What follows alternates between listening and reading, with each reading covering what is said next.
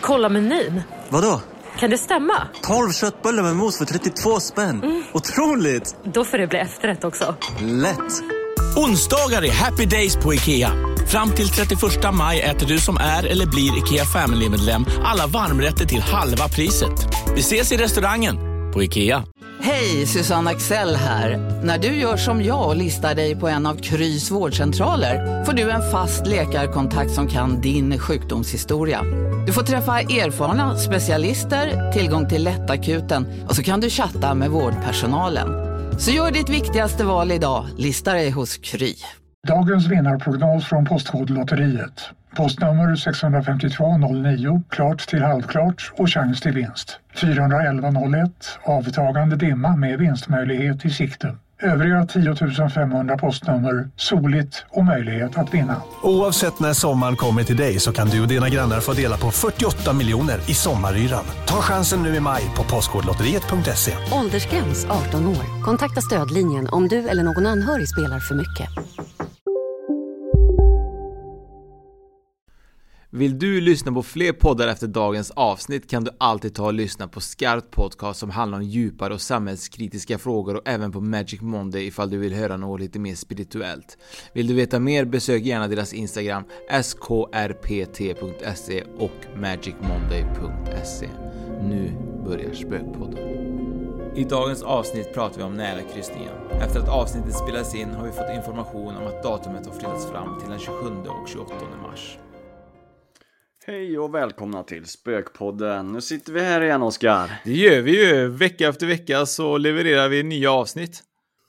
Ja, vi är fantastiska på det. Vi har inte missat en gång ännu tror jag va? Nej, det är helt... Jag har tänkt på det väldigt länge, typ att det är sjukt. Vi har inte ens tagit semester från podden.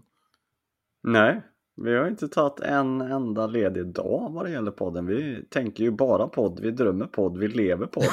Ja, det, det lät faktiskt ganska tragiskt. Men, men ja, lite så är det. Men, men jag tror att det, är, det som är mest fantastiskt är ju att det finns så mycket gäster att ha med, om inte annat, som är andliga och eh, om inte, inte andliga så har de någonting att berätta som är väldigt intressant. Eller hur? Det finns ju otroligt många människor i världen och eh, vi har ju haft turen att träffa väldigt intressanta människor och få dem till oss. Eller tur kanske det inte är. Det, jag tänker ju kanske attraktionslag och, och lite sådana saker som gör att vi, vi träffar rätt människor vid rätt tillfällen känns det som. Mm, om inte annat så finns det mycket på sociala medier som, eh, som håller på med det här. Det gör det. Det gör det absolut. Men du, du var ju och kikade på hus här i veckan som eh, gick. Hur gick detta? Jag tror att eh, folket är lite nyfikna för vi pratade om det i förra avsnittet. Jag kan säga så här att affirmera någonting funkar ju inte för mig kan jag lova dig i alla fall. Det affirmerar ju bara att det blir superdyrt. Eh, det här var ju galet. Vi går och kollar på ett hus som vi verkligen tyckte om.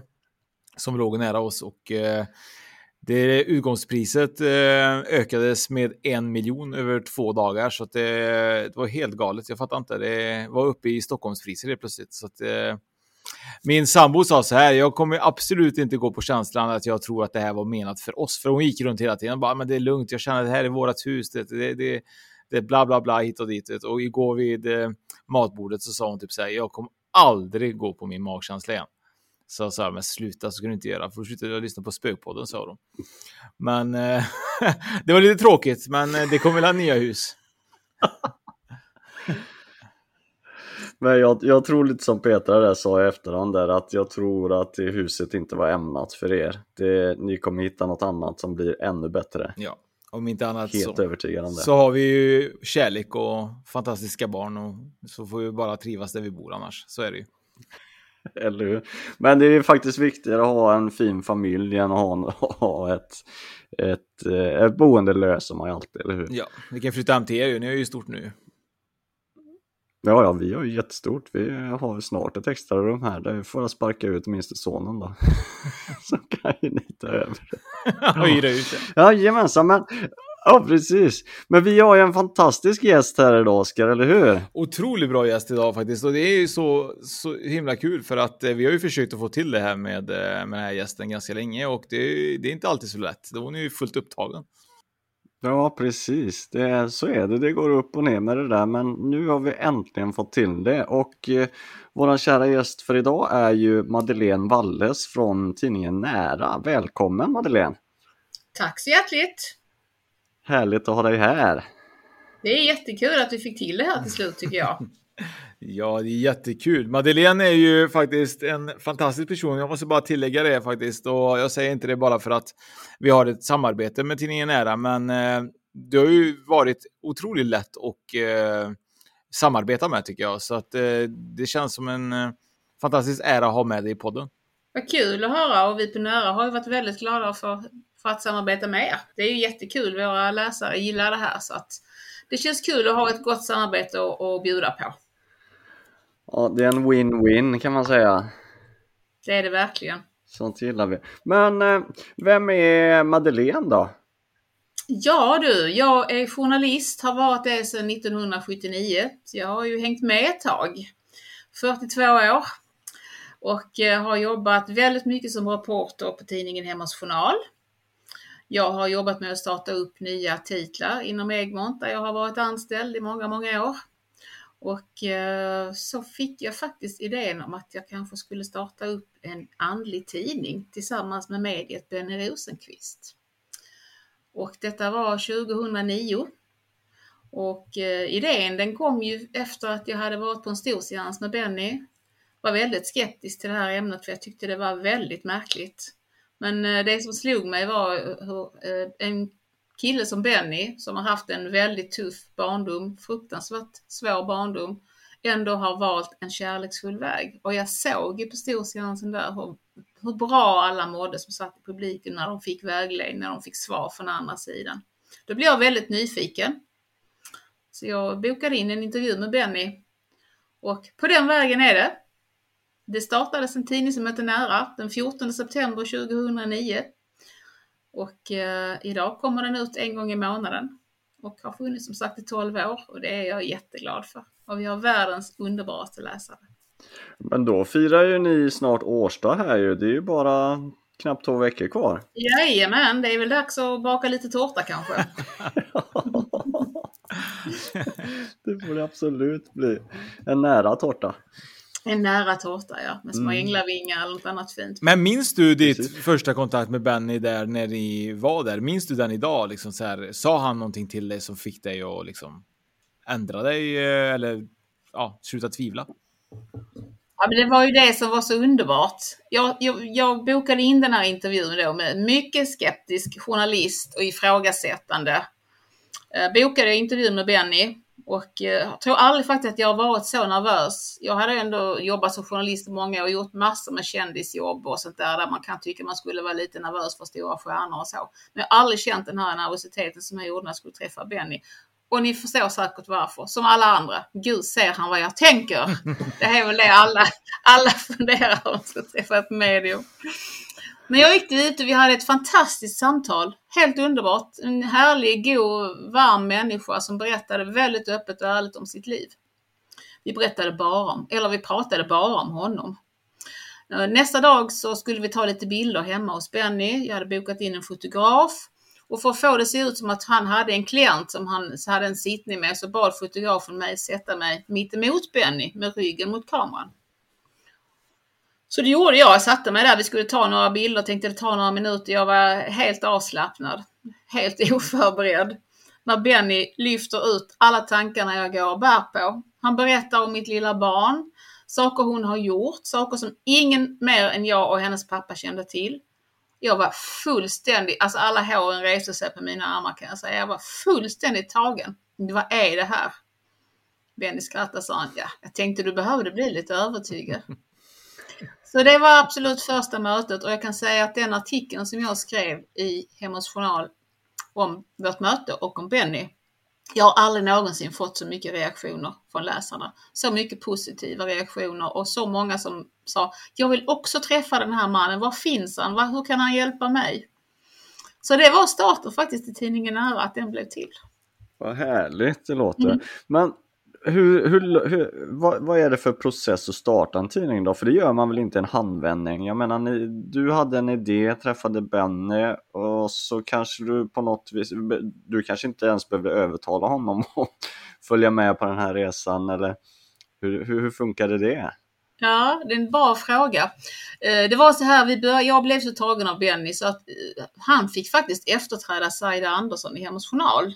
Saida minns ni säkert. Hon Mm. hade svarat på frågor och letat efter läsarnas borttappade guldringar i många, många år. Och när Saida gick bort så var det svårt att hitta någon ersättare som var liksom värdig att ta över hennes roll. Men jag föreslog min chef att Benny kanske skulle vara ett namn. Så att det blev så att Benny började svara på läsarnas frågor i Hemmets Journal.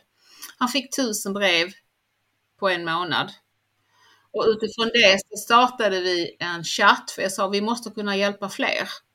Och när vi startade en chatt en timme så fick vi 2500 frågor på en timme. Och där sa jag till Benny, jag tittade på honom och sa Benny, vi måste starta en tidning om andlighet. Absolut, sa han, det är klart vi ska göra det. Så var det ju bara det, det lilla kruxet att jag skulle övertala mina chefer att det här var en bra idé. Det tyckte inte de. Utan den första kommentaren jag fick var Okej, och vem hade du tänkt skulle läsa den? Nästa fråga var Och vem tänkte du skulle annonsera i den? Ja, jag hade väl lite bra svar tyckte jag själv på de här frågorna. Tillräckligt bra för att de skulle säga Okej, du, får, du får göra en provtidning. Ett så kallat one shot. Men du får ingen budget. Så det får inte kosta en krona. Åh jäklar. Och då bestämde vi oss, Benny och jag, det här ska vi fixa. Det gjorde vi också. Vi fixade en tidning som sålde i 12 500 ex. Så att eh, tidningen nära har gått med vinst från första numret. Åh helvete vad kul. Ja, ja det är fantastiskt. Ja, visst är det kul? Ja. Ja. Och när var detta då? Var det 2007, 2008? Nej, någonstans då? 2009. Det var 2009. Det är Ja. 12 år sedan. Men jag tänker lite Ja, grann det så är här. Hemmets Journal då som eh, hade Saida till exempel då. Eh, Mm. vad har de alltid, var det här någonting som de själva liksom trodde på eller var det mer bara för att det var en rolig typ, grej att ha med i tidningen?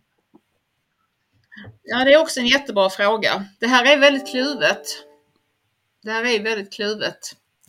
Eh, därför att många läsare av Hemmets Journal tycker det här är rena tramset och tycker ta bort den här skiten. Ska ni verkligen ha det i tidningen? Och så då den andra halvan som säger åh det här är så underbart, det är det första jag läser i tidningen. Så för en chefredaktör på Hemmets Journal är det inte alldeles lätt att veta vad som är rätt och fel.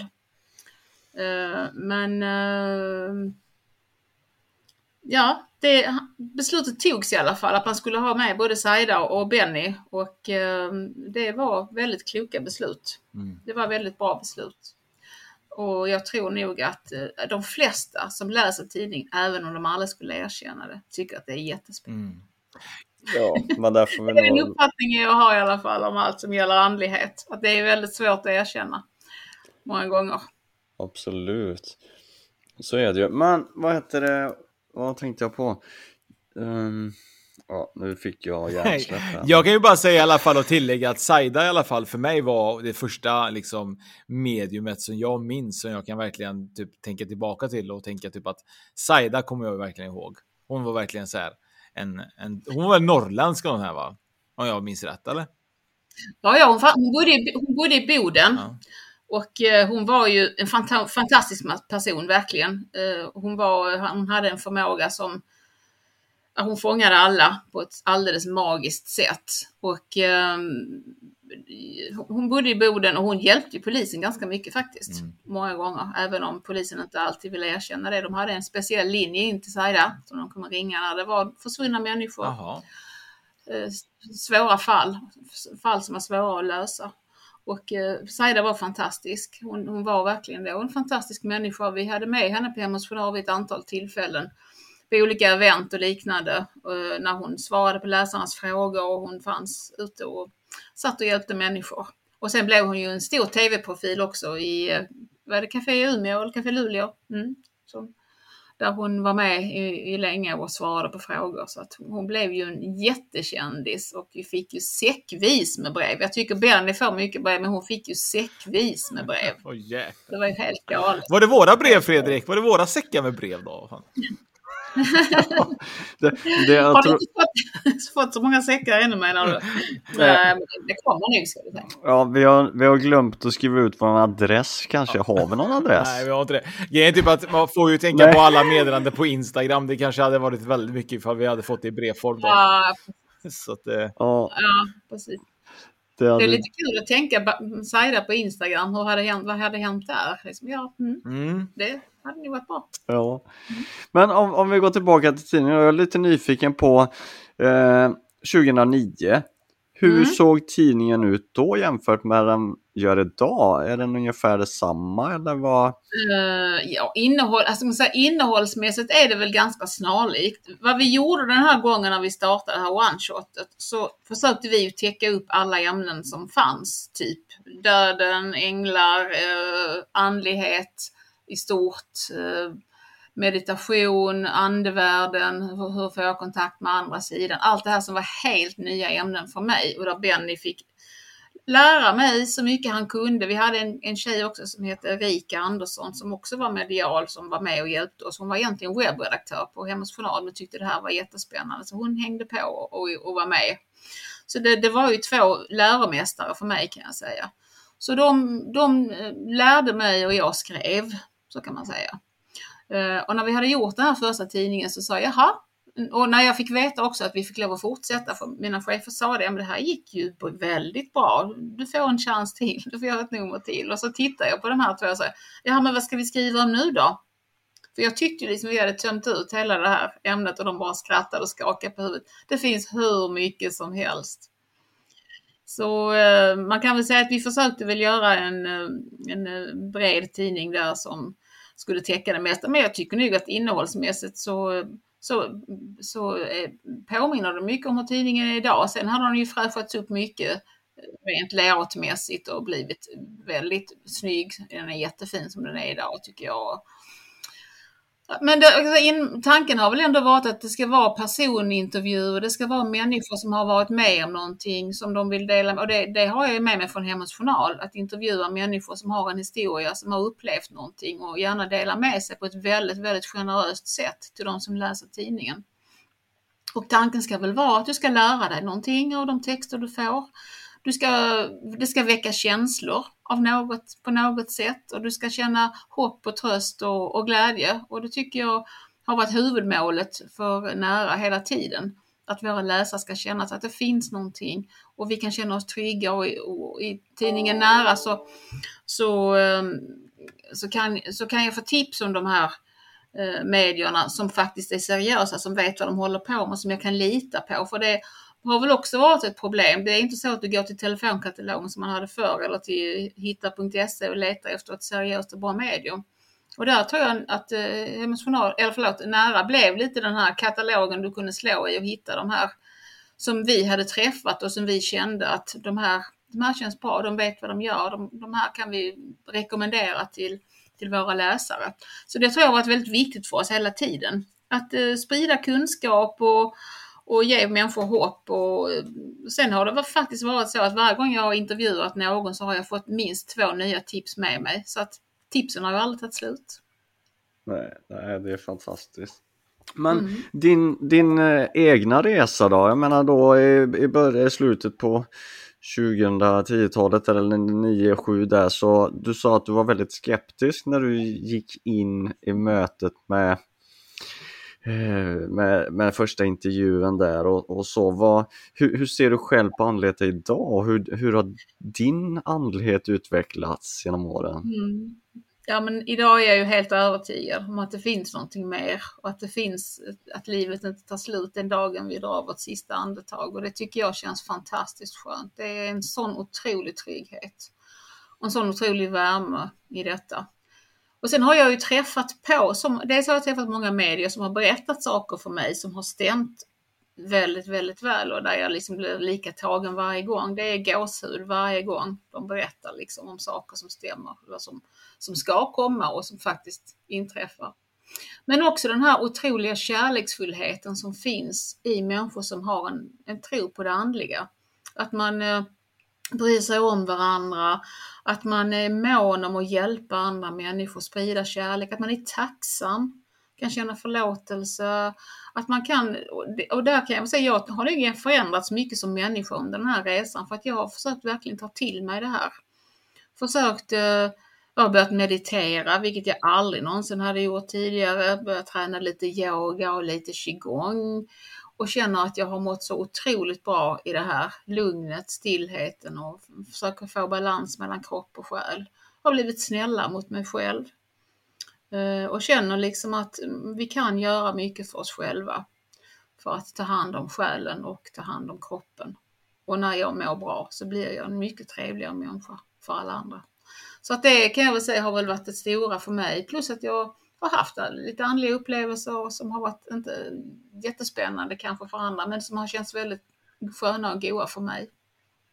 Ja, det kan jag tänka mig. Men har, du, eh, har du varit med och gjort eh, något eh, typ på någon husrensning eller varit besökt något slott eller något sånt där där, du, där det har hänt någonting spännande eller något helt oväntat som du kan berätta om? För jag kan tänka mig då, vi har jobbat med andlighet i så många år här så tänker mm. jag att mm. du, måste, du borde ju ha en jäkla massa spännande historier egentligen. Mm, det borde ju det och det kan man ju verkligen, jag kan ju verkligen hålla med om men det är inte riktigt så. Jag kan berätta för dig när vi kommer in i ett hem där det är väldigt mycket jobbiga energier. Vi har gjort, jag har gjort jättemånga sådana här reportage tillsammans med Benny och andra medier när vi är på husrensning. Och vi har varit i i, på gamla slott med fängelseceller och så vidare, där det verkligen finns hur mycket som helst som behöver rensas. Jag känner inte det. Och, och Benny brukar skratta åt mig och säga, men gud vad mysigt det var här. Nej, det är det inte, säger Benny. Jag kommer ihåg ett av de första jobben vi gjorde. Då var vi hemma hos en kvinna som hade ett, en ande som fysiskt sparkade henne ur sängen. Och jag var helt tagen av det här hon berättade och Benny hade ju jättekoll på den här och även Erika var med den gången och hade jättekoll på den här, vad som hände hemma hos den här kvinnan. Så medan de pratade med henne så var jag på bara väg bort och sätta mig i en stol. Då skriker Erika till mig, sätt dig inte där, där sitter redan någon. Och det blev liksom så, gud jag hoppade till, vad är detta? Liksom, vad är det för värld jag har hamnat i? Så att jag är, jag är inte riktigt så att jag känner och säger, jag tror kanske att det handlar lite om att jag är rädd. Jag är mörkrädd och jag är lite spökrädd kan jag säga. Så att jag tycker det är lite läskigt. Jag skulle aldrig sova över i ett spökhus. Vi har varit uppe och gjort ett reportage för nära en gång uppe i Värmland, ett av de mest hemsökta husen som finns. Och det var tanken att vi skulle sova över där på natten och säga aldrig i livet, jag gör det inte. Så ja, jag har inte haft riktigt de här upplevelserna som jag önskar. Förstår att ni önskar jag skulle kunna berätta. Nej. Jag inte det. Nej, herregud. Nej, men det, så kan det ju vara. För jag menar, det är en del Precis som du säger, en del är mer öppna än, än vad andra är och vissa får till sig väldigt mycket medan andra inte får till sig någonting. Eh, och så är det ju, men jag menar då, du har ändå upplevt en del fast du kanske, jag menar genom de andra såklart. Eh, så så att det, jag vet vi var ju och spelade in jag och Oskar och Anna för den delen på Restagård här i Vänersborg för några månader sedan. Eller det var väl heller när det nu var och där hände ju grejer och där, vi upp, fick ju uppleva saker allihopa. Jag vet vi hörde barnskrik, kommer du ihåg det Oskar? Mm. Det var helt, det var scary faktiskt. Det hände ju en hel del, men det är kul när det händer någonting och det är kul att man får liksom ta del av, eh, av saker som man vanligtvis kanske inte skulle göra om man inte kanske tar, eh, tar och följer med på sådana grejer. Så sådana grejer är kul bara för att som för dig då Madeleine, eh, att man kanske får mer bekräftelse om man får vara med om någonting än att man eh, bara sitter hemma och inte tror eller vill tro eller vad man vill göra. Så det är nog väldigt kul att få ta del av det. Absolut. Jag, jag, tänkte, jag tänkte bara... Det är kul också, men det är som ni säger, det är ju kul att... Mm. Förlåt, jag, jag tänkte bara på, på en annan sak när vi pratar om tidningen och lite sånt. Och eh, det som är intressant är ju målgruppen tycker jag lite grann. Eh, i tidningen Nära och allmänt. Eh, mm. Det känns ju som att det är typ 99 procent som eh, köper tidningen är kvinnor. Eller är jag ute och cyklar liksom? Du är lite ute och cyklar faktiskt. Men eh, när, vi, när vi började så var det väldigt mycket kvinnor. För 12 år sedan var det väldigt mycket kvinnor. Det var nästan, eh, alltså nästan, nästan som du säger, nästan 100 procent. Eh, och de flesta var någonstans mellan 45 och 65 år. Det var en ganska tydlig målgrupp. Sen har den här målgruppen förändrats jättemycket och väldigt mycket fler killar och män har kommit till. Och väldigt mycket unga människor har kommit till som läsare. Så det är jätteroligt och det här märker vi till exempel när vi har event och inte minst på våra kryssningar som vi har kört sedan 2013. Plötsligt kommer du in killgäng. Alltså det gjorde ju verkligen inte de första åren. Men plötsligt kommer liksom fyra killar. Hallå killar, jag är ni välkomna hit? Ja vad kul, ja vi ska vara här tillsammans och gå på seans. Det hände liksom inte för 12 år sedan. Så det är jättekul. Mm. Det här har verkligen spritt sig bland, bland män som vågar erkänna det här. Att de tycker det här är intressant och spännande. För det tror jag det har funnits, funnits ett litet motstånd hos killarna här och vara öppna och ärliga med att de kan känna av saker. Jag vet inte hur ni uppfattar det? Nej, jag tror nog att det är väldigt eh, blandat. Nu känner vi att det är väldigt mycket ändå killar som, som följer våran podd. Eh, och, men det kan ju vara också för att vi kanske är killar också. Jag vet inte om det på något sätt bidrar till att man vill lyssna lite mer. Eh, så att, men det är nog mestadels så tror jag nog att målgruppen är oftast, det märker vi på Youtube, det är ju väldigt mycket kvinnor som kollar på våran Youtube-kanal så är det mer kvinnor än, än män som är intresserade och kommenterar oftast så är det oftast tjejer också. Eh, men då är nästa fråga då, varför... Eh, men visst är det kul att killarna Ja, absolut. Och då är nästa fråga typ om det är så mycket killar som kollar, varför är, det inga, varför är inte jag och Fredrik på covern på tidningen Nära? Det är bara tjejer. Nej, men det här är en gammal tidningssamling och det är ju skojligt. Men killar på omslaget säljer Ja, men vad fan. har ändå provat både med Johnny Depp och Brad Pitt. alltså det? Inte på tidningen Nära, utan på en tidning som heter Hennes, jag var chefredaktör förr i tiden. Ja. Uh, till och med dem Nej, det funkar inte. Det ska vara kvinnor på omslaget. Men om jag och Fredrik ställer oss i bar överkropp då, så bara typ så här, lite snygga, står där och spänner oss Ja, det skulle väl vara det, möjligtvis. Era vita Speedos då och så. Ja. Vi kan ju köra, vi kan ju testa. Nej, jag tror inte vi får många lyssnare efter det, efter det heller, så podden bara, bara sinnar. Ja, precis. Vem vet. Men jag tyckte det var lite intressant, Madeleine, för du nämnde kryssning, att eh, eh, tidningen Nära har ju en kryssning och det är ju jättespännande. Hur eh, kom den idén till och vem var det som eh, roddade det här första gången? Eh, det var faktiskt så att på Egmont eh, så har man gjort, hade man gjort kryssningar tidigare. Eh, bland annat med en tidning som heter Wheels där man gjorde kryssningar för motorintresserade män huvudsakligen då. Eh, och det var jättepopulärt. Och eh, den tjejen som var chef på eventavdelningen sa att det finns bara en tidning till inom vår koncern som jag kan tänka mig man skulle kunna göra en kryssning för och det är tidningen Nära. För att man måste ha en väldigt smal eh, mål, alltså ett väldigt smalt ämne, väldigt tydlig målgrupp och väldigt tydligt ämne. Vad är det man vill? Det får liksom inte vara för brett utan det ska vara väldigt tydligt med vad man vill presentera. Så hon sa, skulle vi kunna göra en kryssning för tidningen Nära? Och eh, då började vi kika lite på det. Bestämde oss att det är klart att vi kunde göra det. Så den kvällen kom jag hem till min man och sa att nu har jag hyrt Viking Line Cinderella. Bara, är du inte klok? Har du hyrt hela båten? Ja, det ska väl gå bra att fylla den. Vi ska väl kunna få ihop 1700 resenärer. Och då hade vi ju inte så himla många läsare på den tiden. Men det gick. Det gick jättebra. Vi hade 1700 resenärer första året. Det var lite för många för det blev lite för trångt. Så nu har vi inte mer än 1300 per år, per gång. Och det är perfekt, det är precis lagom. Helt fantastiskt. Vi har gjort en kryssning nio gånger och fyllt båten varje gång.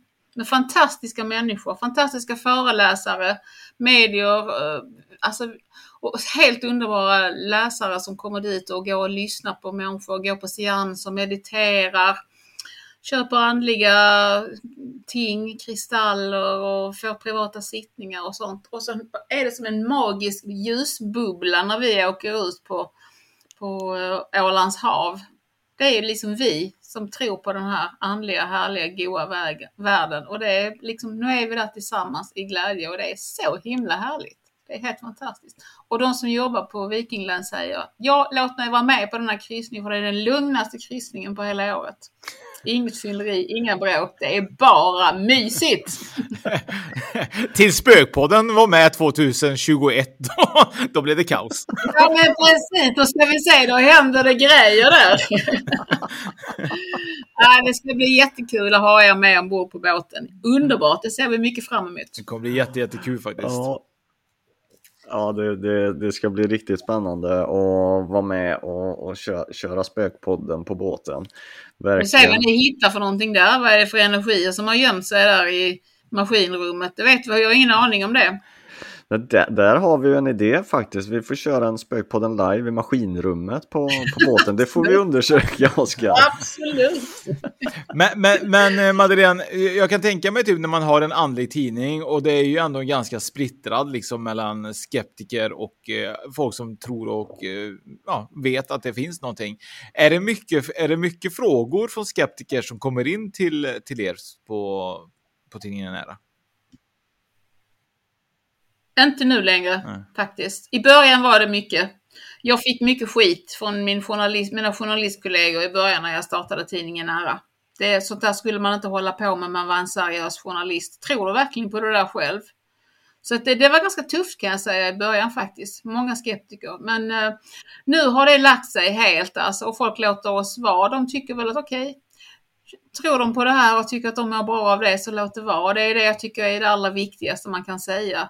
Alltså, om jag tror, låt mig göra det. Jag eh, respekterar dig som inte tror. Mm. Det viktiga är att var och en gör det som känns bäst. Mm. Och det tycker jag känns jätteskönt. Och det tycker jag är jätteskönt också Fredrik, tycker inte du det? Hej, Synoptik här. Visste du att solens UV-strålar kan vara skadliga och åldra dina ögon i förtid? Kom in till oss så hjälper vi dig att hitta rätt solglasögon som skyddar dina ögon. Välkommen till Synoptik. Ah, dåliga vibrationer är att skära av sig tummen i köket. Ja! Bra vibrationer är att du har en tumme till och kan scrolla vidare. Få bra vibrationer med Vimla. Mobiloperatören med Sveriges nöjdaste kunder enligt SKI. Upptäck hyllade XPeng G9 och P7 hos Bilia. Våra produktspecialister hjälper dig att hitta rätt modell för just dig. Boka din provkörning på bilia.se xpeng redan idag.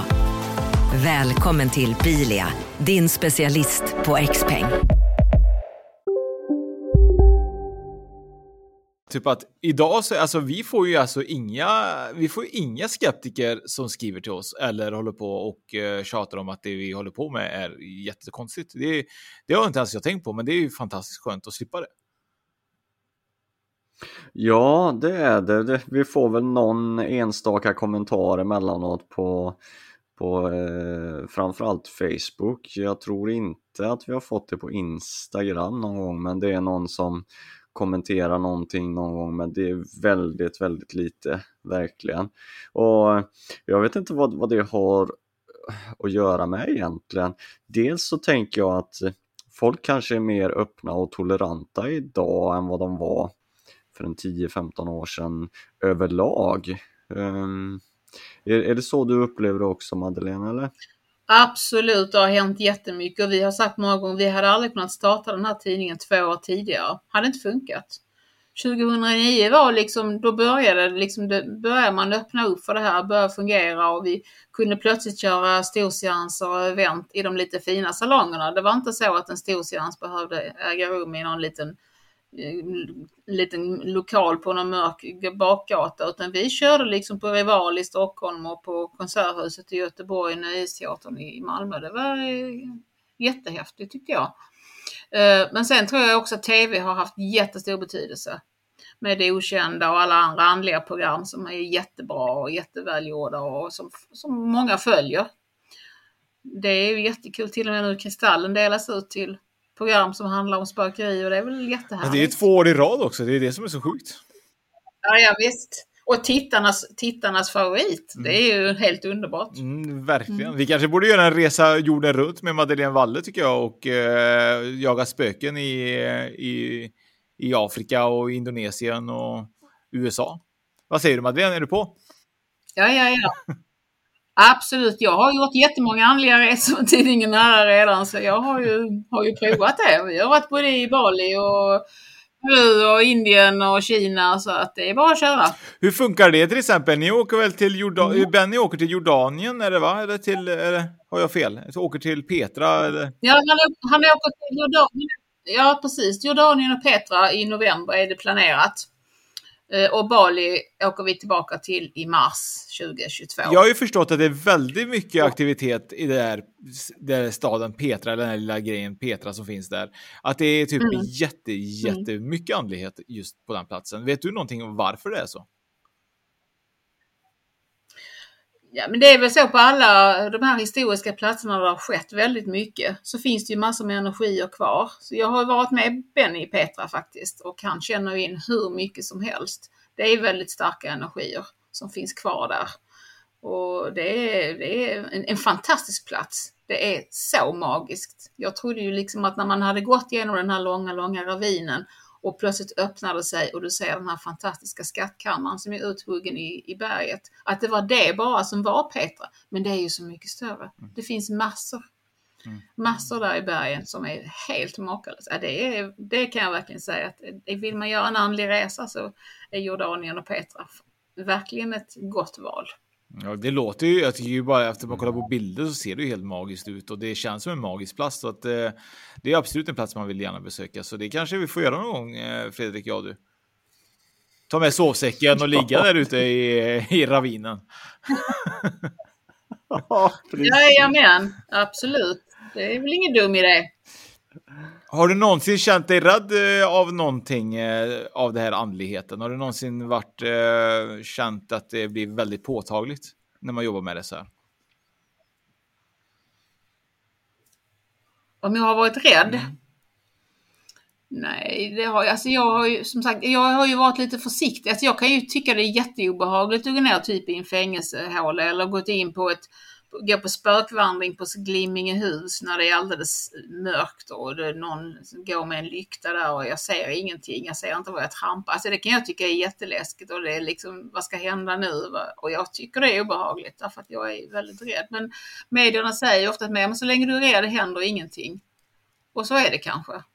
Så att jag har ju inte haft de här obehagliga upplevelserna som, som har haft anledning att göra mig väldigt rädd. Jag, det är väl som Benny säger, man kan väl vara mer rädd i andra sammanhang när man är bland människor än bland andra kanske. Mm, Det så, är, så är det ju.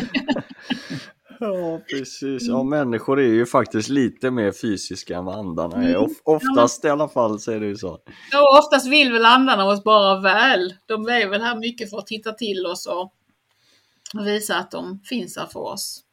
Ja, för vi, vi pratade om det vid något tidigare tillfälle, jag och Oskar. Vi hade även en, en podd där vi pratade om snälla spöken. Och då, Mm. då fick vi ganska många kommentarer på att varför lyfts det oftast fram eh, spöken och andar och sånt som inte vill väl. För, i- för lite som du sa där Madeleine så, så tänker jag att oftast så vill ju den andra sidan eller andarna eller vad, det, vad man nu väljer att kalla det, de vill ju oss väl och de vill väl oftast egentligen bara komma igenom och säga att de finns. Mm. Men precis så är det ju. Men det är ju inte lika, alltså, och det är klart jag kan ju förstå varför man lyfter fram de andra lite läskiga berättelser för det är ju mycket mer sälj och intresse och nyfikenhet i det. Så det, det kanske är ganska logiskt. Men eh, och sen om du liksom känner att någon klappar dig försiktigt på kinden eller att du känner att du anar en skugga i ögonvrån eller känner en doft som du känner igen från mormor eller farmor. Då är ju inte det något stort och omvälvande, kanske mer än för just dig själv. Och det är ju det som är så gott ändå, det vet ju jag. Då kan jag känna mig lite trygg eller om jag får ett tecken på något annat sätt. Så känner jag mig trygg i det. Men det är kanske inte så spännande för andra människor. Men eh, det är det jag kan tycka ofta är så spännande med storseanser. Att där kan man ju sitta och bli enormt berörd av andra människors upplevelser fast att man inte känner de här personerna. Man har ingen aning om vem de är eller vem det är som de får budskap från. Men deras reaktioner och den träffsäkerheten som du kan möta hos ett, hos ett medium som plötsligt berättar saker som är klockrena, namn, årtal, föremål som finns i deras liv. Det tycker jag är helt enormt att se människor både gråta både glädje och, och, och längtan och sorg. Alltså den här blir så enormt berörd, då blir man ju själv precis lika berörd och det tycker jag är ett fantastiskt sätt att möta andligheten. Även för de som är kanske nybörjare som inte själv vill ta en sittning eller gå in i något, på någon spökvandring eller så. Men en storseans är faktiskt ett väldigt spännande sätt att, och närma sig. Det är superspännande. Jag tycker allmänt som du säger just att ofta så går man på seans för att man kanske har en stor saknad till, till en person eller till um, vad det kan vara. Och förhoppningsvis är det ju väl någon nära som man eh, och går dit för. Och då när man får bekräftelsen, det är ju som att man helt plötsligt kanske får ett avslut för att man, den här känslan av att man vet att den är borta och att man aldrig kommer se den igen. För mig är det så med min mormor. Jag tänker ofta typ så här att hon kommer vara där när jag när jag går bort kommer hon stå där och vänta och omfamna mig och ge mig en jättebamsig kram bara för att nu vet jag att det finns någonting där mer än, än jag kanske visste innan. Så att eh, det känns tryggt att veta att det finns någon där som väntar på en. Mm, vad härligt. Mm. Jag, jag tänker det också, innan jag var på, på min första storchans så tänkte jag det att okej, okay, det är ju en väldig massa människor och så är det ett medium och så ska man hålla det på kanske en, en och en halv timme och alltså jag vill ju ha ett meddelande liksom. Eh, ska inte alla få det? Men eh, lite som du var inne på Madeleine att det spelar, in, det spelade inte mig någon roll överhuvudtaget att inte jag fick ett, ett personligt meddelande till mig för att det var så berörande att sitta i den här lokalen och den känslan med alla människor som var med och även mediet, klock, klockren och tolkningar och det som de förmedlade, det var ju en, en magisk känsla och sen att att, den här, att det här mediumet faktiskt kunde urskilja. Alltså, du eh, gick fram, pekade på en människa att eh, ja, jag har någon här till dig och eh, jag vill att du bekräftar först vem den här personen är och så får du ditt meddelande sen när vi vet att det är till dig. Och så var det ju det, alltså det är helt magiskt hur det där funkar. Jag, jag begriper inte det. Du får fråga Anna. Nej, man förstår inte hur det går till. ja. Jag tycker det är mest... Jag, Nej, men det är Förlåt. Eh, jag, jag, jag, tycker det är superkul var det när vi var på, jag var ju och kollade på Terry Evans och då, som du säger, det spelar egentligen ingen roll om vi, alltså jag var ju där bara för att eh, kolla via Spökpodden. Men alla människor som satt där, man såg ju verkligen att folk satt ju verkligen och torkade tårar när andra får meddelanden och jag tycker att det är så himla fint att man man är, inte, man är inte egoistisk, man är ju där liksom och, och man får ju ändå en bekräftelse att det finns något mer när någon annan får ett svar eh, på något. Så det känns ju som att man, det räcker ibland och veta att någon har blivit berörd. Mm, absolut, och sen tror jag också när du går hem så är du ju, du är ju öppen för det här. Du, är, du går ju, lämnar ju seansen med liksom alla de här budskapen, allt det här du har hört och sett. Och sen är du ju kanske öppen för att det kommer någonting till dig också när du kommer hem. Därför att du har ju en helt annan medvetenhet och en, ett öppet hjärta. Mm. Jag, Ja, det öppnar upp kanaler. Jag har ju förstått Fredrik eh, att jag vet inte hur det är med tidningen Nära, men jag har ju, vi, vi har fått lite meddelanden nu faktiskt senaste att vi, ibland när folk lyssnar på, på Spökpodden så har det blivit så att de får uppleva saker på, på natten, typ att det knackar eller att det, tvn sätts på och så vidare. Eh, kan det vara ibland så att eh, att det kanske är likadant med tidningen Nära, att folk upplever mycket mer när man läser tidningen? Så kan det absolut vara. Uh, alltså, vad människor säger till mig som jag tycker är lite spännande, att de, de sparar nästan alltid sin tidning. De kastar inte tidningen om de har läst den. Och de kanske inte läser hela utan de lägger, lägger undan den. Och sen plötsligt händer någonting i deras liv. Där de känner att det här behöver jag läsa mer om, det här behöver jag få lite svar kring. Då letar man upp den här gamla tidningen där man, där man har hittat, haft den här artikeln som man inte läste för att men nu är det dags. Du har fått en signal om att nu är det dags. Och då, då har man plötsligt svaren där, du har informationen där och det tycker jag också är jättehäftigt. Faktiskt.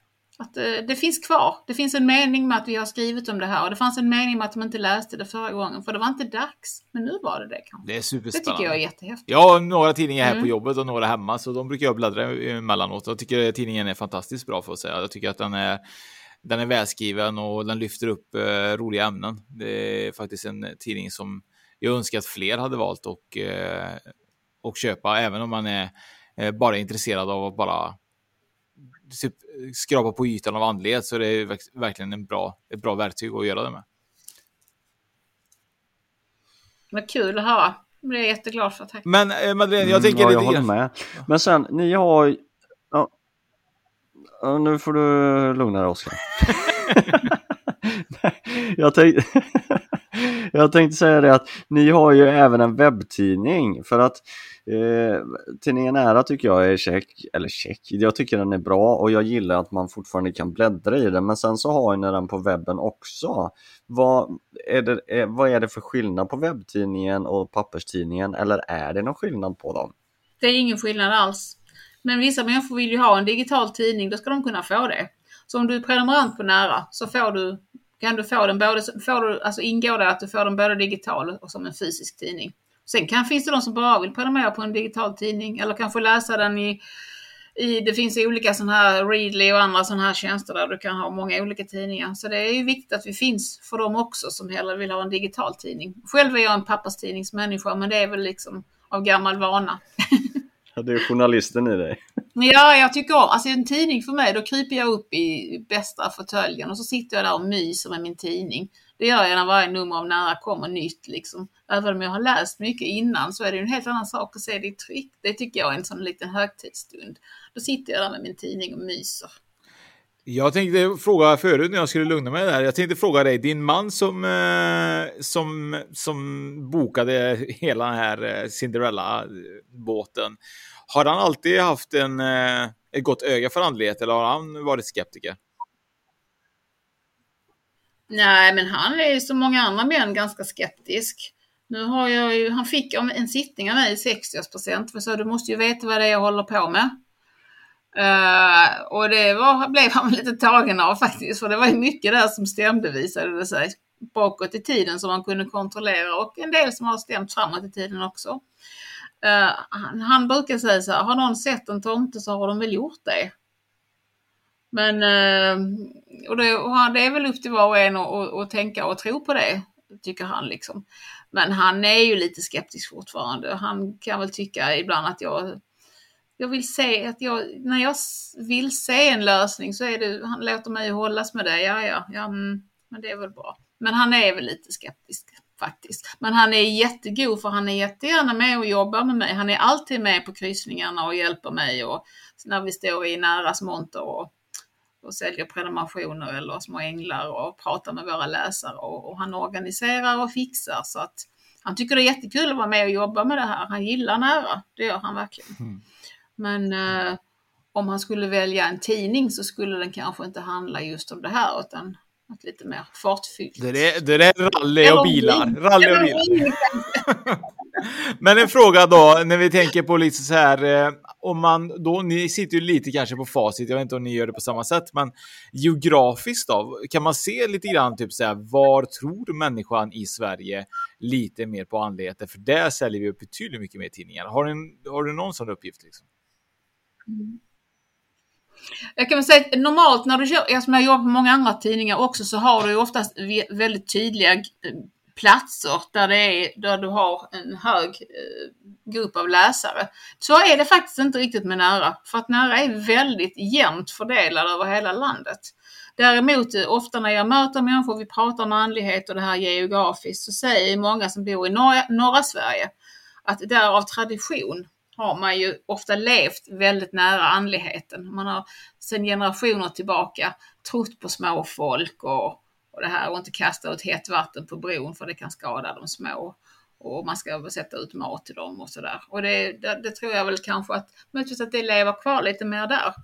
Men eh, annars skulle jag säga när det gäller nära och eh, fördelningen av var våra läsare finns så är det väldigt jämnt faktiskt. Mm. Ja, ja verkligen. För där trodde väl eh, eh, jag kanske att det skulle vara mer eh, en, en, ja det kanske är helt fel, men en storstadstidning eftersom det känns som att det bor ju väldigt mycket fler människor i Göteborg, Stockholm, Malmö då kanske, men det är ju, Mm. det är ju riktigt häftigt att den är spridd Mm. över hela landet jämt. Så. Ja, det kanske är så att alltså, skulle du gå in så är det rent, alltså, procentuellt, alltså om du slår ut Mm. procentuellt så, så är det inte någon stor skillnad så. Men sen är det klart att, att Stockholm är en stor stad, Göteborg är en stor stad, så vi har många läsare där. Mm. Men eh, det är ju, det är ju eh, jag tycker jag skulle säga att det är väldigt spritt och man kan väl säga så här med andligheten att jag brukar förklara det så att det är ju inte, det är inte ett ämne du söker dig till när du, när, alltså när du är i topp i livet, på toppen i livet liksom, när du, allting är rosa moln och lycka och, och glädje. Utan andligheten kommer ju ofta in i ditt liv eller du söker dig till och söker svaren när det är ett lite tufft i livet. Och det, när du har råkat ut för någonting, en sorg eller när du är lite vilsen och behöver lite vägledning och så. Det är ju ofta då man, man söker sig. Så därför tror jag att det är svårt. Det, sen har det ju inte någon betydelse om du bor i stad eller på land, liksom, på landet. Utan det är liksom när du känner att du har behov av och få den här vägledningen och få den här trösten och stödet. Sen har det ju varit så att eh, när vi, vi gör event att det tyvärr ofta blir i storstäderna för där är det ju lättare att få ihop ett gäng med människor i publiken. Men det är också lite därför våran kryssning kom till. Eh, och det var ju också dels för att många ska kunna, vi har ju haft ett väldigt lågt pris på kryssningen och det har ju varit med tanken att alla ska ha en chans att följa med. Och där har det ju varit fantastiskt med Viking Line som har bussar som kör från hela Mellansverige till Viking Line-terminalen för ett väldigt billig peng. Så att människor har ju faktiskt kunnat komma upp till Stockholm och hänga med på våran kryssning för väldigt lite pengar. Och eh, mat och allting ingår och hela programmet ingår. Och det tycker jag har varit jätteviktigt för vi har fått kritik ibland, vi har gjort resor till Bali och till mm, Kina och sådär. Och det är dyrt. Man reser långt, det kostar mycket pengar, man är borta lång tid, kanske 14-15 dagar. Men kryssningen, den ska kunna vara för alla. Det var, det var målet när vi startade den här och så, så har det faktiskt varit och det känns fantastiskt. Kul. Jag tänkte, tror du lite grann som du var inne på då, typ så här, du sa ju lite grann att andligheten kommer oftast när eh, man kanske har liksom en dipp i livet eller man hamnar i någon situation och så vidare. Men jag tror också typ så här att oftast kommer andligheten oftast när man kommer upp kanske i 40-årsåldern där man börjar känna typ så här vad finns det? Vad är meningen med livet? Vad, alltså kan det, är det här allt? Jag har gjort allt. Jag är fan 40, jag har fått barn, jag har köpt hus. Man börjar typ ställa sig frågan, men är du med? Man, man börjar tröttna lite på typ så här. Det måste finnas, det kan inte bara vara det här. Det måste finnas mer än det här. Är det inte lite så? Tror du inte det? Ja absolut, ja men så är det ju. Alltså alla vill väl, eh, alla vill väl eh, som du säger, det ska vara fler kapitel. Ja, Eller hur? precis. Men sen tror jag också att, att som jag sa, det här, att det, vi har ju mycket kvinnor då, som jag sa mellan 45 och 65 och där händer ju mycket i människors liv. Barnen flyttar hemifrån, det kanske är så att du blir av med jobbet, du kanske blir sjuk, eh, det är, alltså kroppsliga grejer, det kan vara, alltså det, det är ju liksom, när du blir äldre så händer ju ofta mer i livet som, som gör att du behöver, du kanske har varit gift i ett antal år och känner att ja, nej det här blev, och som du är inne på själv Oskar, blir det inte mer? Ska jag vara nöjd med det här? Att du kanske äntligen vågar ifrågasätta det här. Ta lite plats själv. Börja tänka på dig själv lite grann. Att du får tid att tänka på dig själv lite grann. Och eh, den, sen då tror jag den här vägledningen är väldigt viktig för många. För det är ju skittufft att ta ett stort språng ut i livet. Alltså oavsett om du ska byta eller avbryta en relation, om du ska byta jobb eller du ska kanske avbryta en vänskap. Alltså det är ju många saker som, som eh, vi lever med som vi kanske inte är alldeles tillfreds med. Men när du då börjar titta över hur ditt liv ser ut och börjar bli lite mer tänka på dig själv och vad som är bra för dig. Och det gör man kanske inte för man kommit upp i livet en bit. Då, då kan man behöva den här vägledningen. Och Man kanske har, har en fundering på vad man vill men du behöver en bekräftelse på att du tar rätt beslut. Mm. Ja, men det är lite så också som vi har märkt med, med våra medium som vi har haft med i podden och så att eh, i princip alla utav eh, de som vi har pratat med har ju haft en väldigt traumatisk upplevelse. Eh, de kan ha varit nära döden, de har haft en riktigt tuff barndom eller ett väldigt jobbigt uppbrott av något slag som på något vis har det har klickat till och det är någonting som har, har växt i dem och startat deras andliga resa. Så att det, det, det låter väldigt bekant det du säger och, och just det att att det ska nästan till en kris i livet för att man ska förstå den här sidan och det är ju nästan lite tragiskt i sig kan jag tycka för att man ska behöva stanna upp och, och, och kunna tänka till och, och få till sig saker så. Mm. Nej, men jag tror alltså att alla människor behöver väl någon gång tänka att, att det finns någonting, någon hjälp och trygghet för oss. Jag har tänkt det, tänkt det ibland, jag tror att eh, det finns väl inte ens en ateist som skulle säga att de aldrig har bett till en högre makt när de hamnar i en riktig kris. Jag tror faktiskt det. Att det är liksom så självklart att när du hamnar i en, i en fruktansvärt svår situation, du, det, är, det är tragik och kris i ditt liv, så känner du väl att snälla finns det någon som kan hjälpa mig? Och sen kan, kan människor hävda att de aldrig tror på någonting men jag tror kanske ändå att det är väldigt gott för de allra, allra flesta att känna att jo, det finns ju faktiskt något. Men så gjorde jag när jag var liten, därför jag skrattade lite grann du pratade om det, för jag tänkte mycket på när jag var liten. Ja. Och så var man typ så här, jag vet inte, jag kunde gå till sexan, sjuan.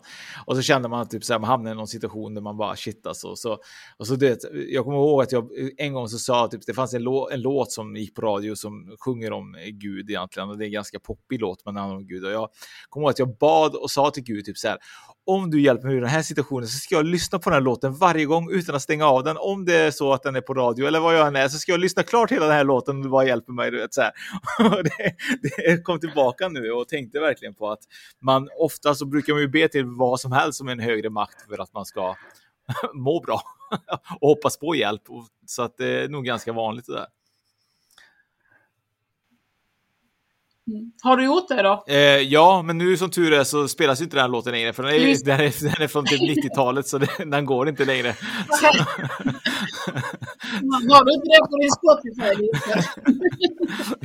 Vi kanske ska ha den som en del i... Okay. Jag, jag, kanske kan lägga till den signaturmelodin. Jag tror de flesta känner till den låten när de, när de hör den. Vi kanske kan ha den i slutet av, ja. av podden eller början. Så i slutet får vi ha den. Ja, det får ju vara Oscars signaturmelodi, så får Fredrik ha en egen. Ja, verkligen. Ja, så får det bli. Den där. Vilken, vad, vad hette låten? Jag blir supernyfiken. Ja, men det, det, det, det, är det är den som det jag kommer inte ihåg, alltså det är en tjej som sjunger och så vet jag att det är typ så här eh, att eh, jag tror att, alltså jag vet vilken det är när jag lyssnar på den, men det är att man sitter på en buss och det är en stranger, jag tror den heter Stranger, ja jag kan inte sjunga.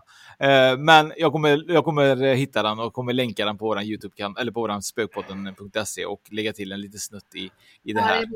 Så att eh, ni får höra på vilken jag menar. Så att, eh, men det, i alla fall, det var i alla fall någonting som, som jag var tvungen att lyssna klart för jag ville att han skulle hjälpa mig då, eller hon då, Gud då.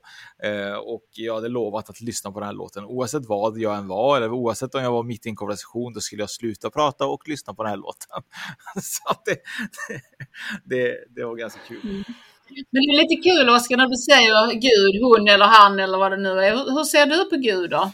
Ja, alltså, Vad är Gud för dig? För mig tror jag, alltså grejen är typ att jag är uppvuxen eh, egentligen katolik då, men eh, vi har väl inte den tron som katoliker har. Jag tror bara att både jag och mina föräldrar har väl en tro typ att det finns någonting mer, men att det är ju liksom en stark energi, att den inte liksom är det, det är nog ingenting som är han eller hon, det bara är något mer och något, något som är där som, som som bara är. Det är, ingen, eh, det är, ingen, eh, det är inget kön, det är köns, könslöst.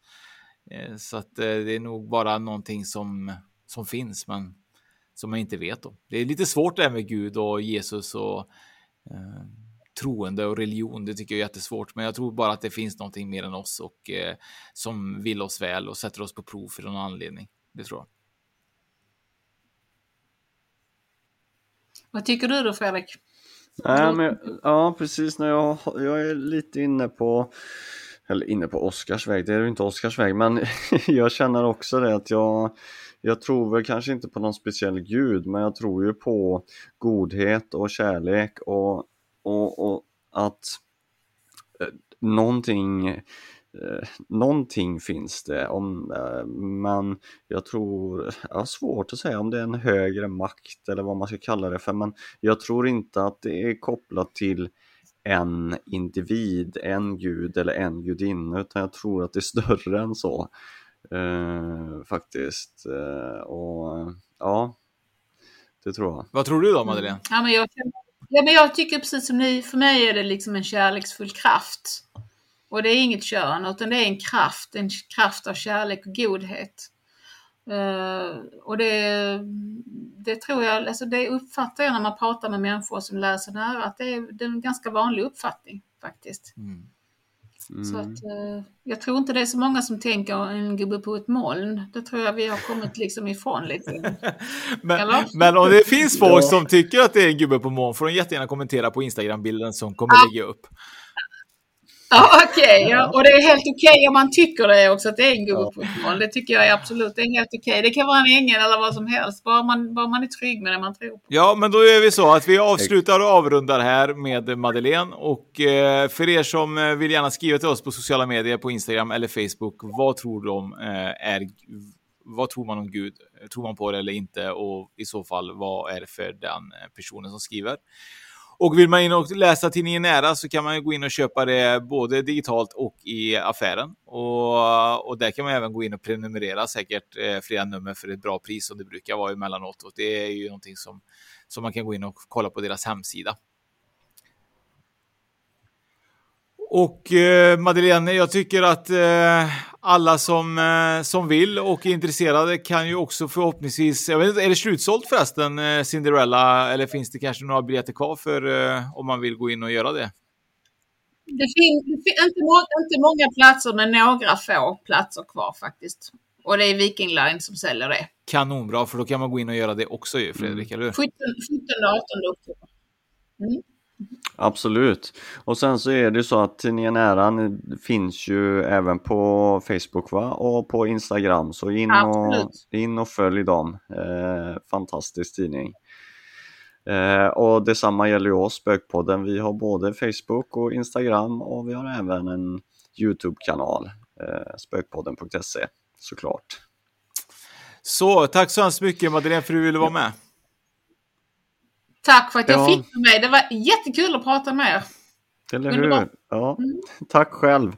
Och um, tack ska ni ha för att du lyssnade på detta fantastiska avsnitt med Madeleine. Och uh, ja, tack ska ni ha.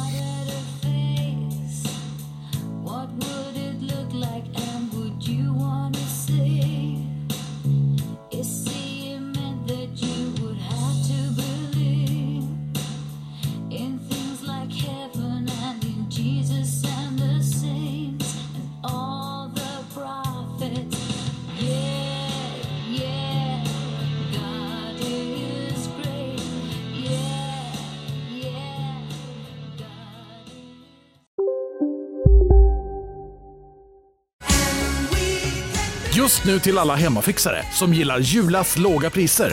Ett borr och bitset i 70 delar för snurriga 249 kronor. Inget kan stoppa dig nu. Ska några små tassar flytta in hos dig? Hos Trygg Hansa får din valp eller kattunge 25% rabatt på försäkringen första året. Läs mer och teckna djurförsäkringen på trygghansa.se. Trygg Hansa Trygghet för livet. Finns det något bättre än riktigt gott färskmalet kaffe på morgonen? Det skulle väl vara en McToast med rökt skinka och smältost. Och nu får du båda för bara 30 kronor. Välkommen till McDonalds.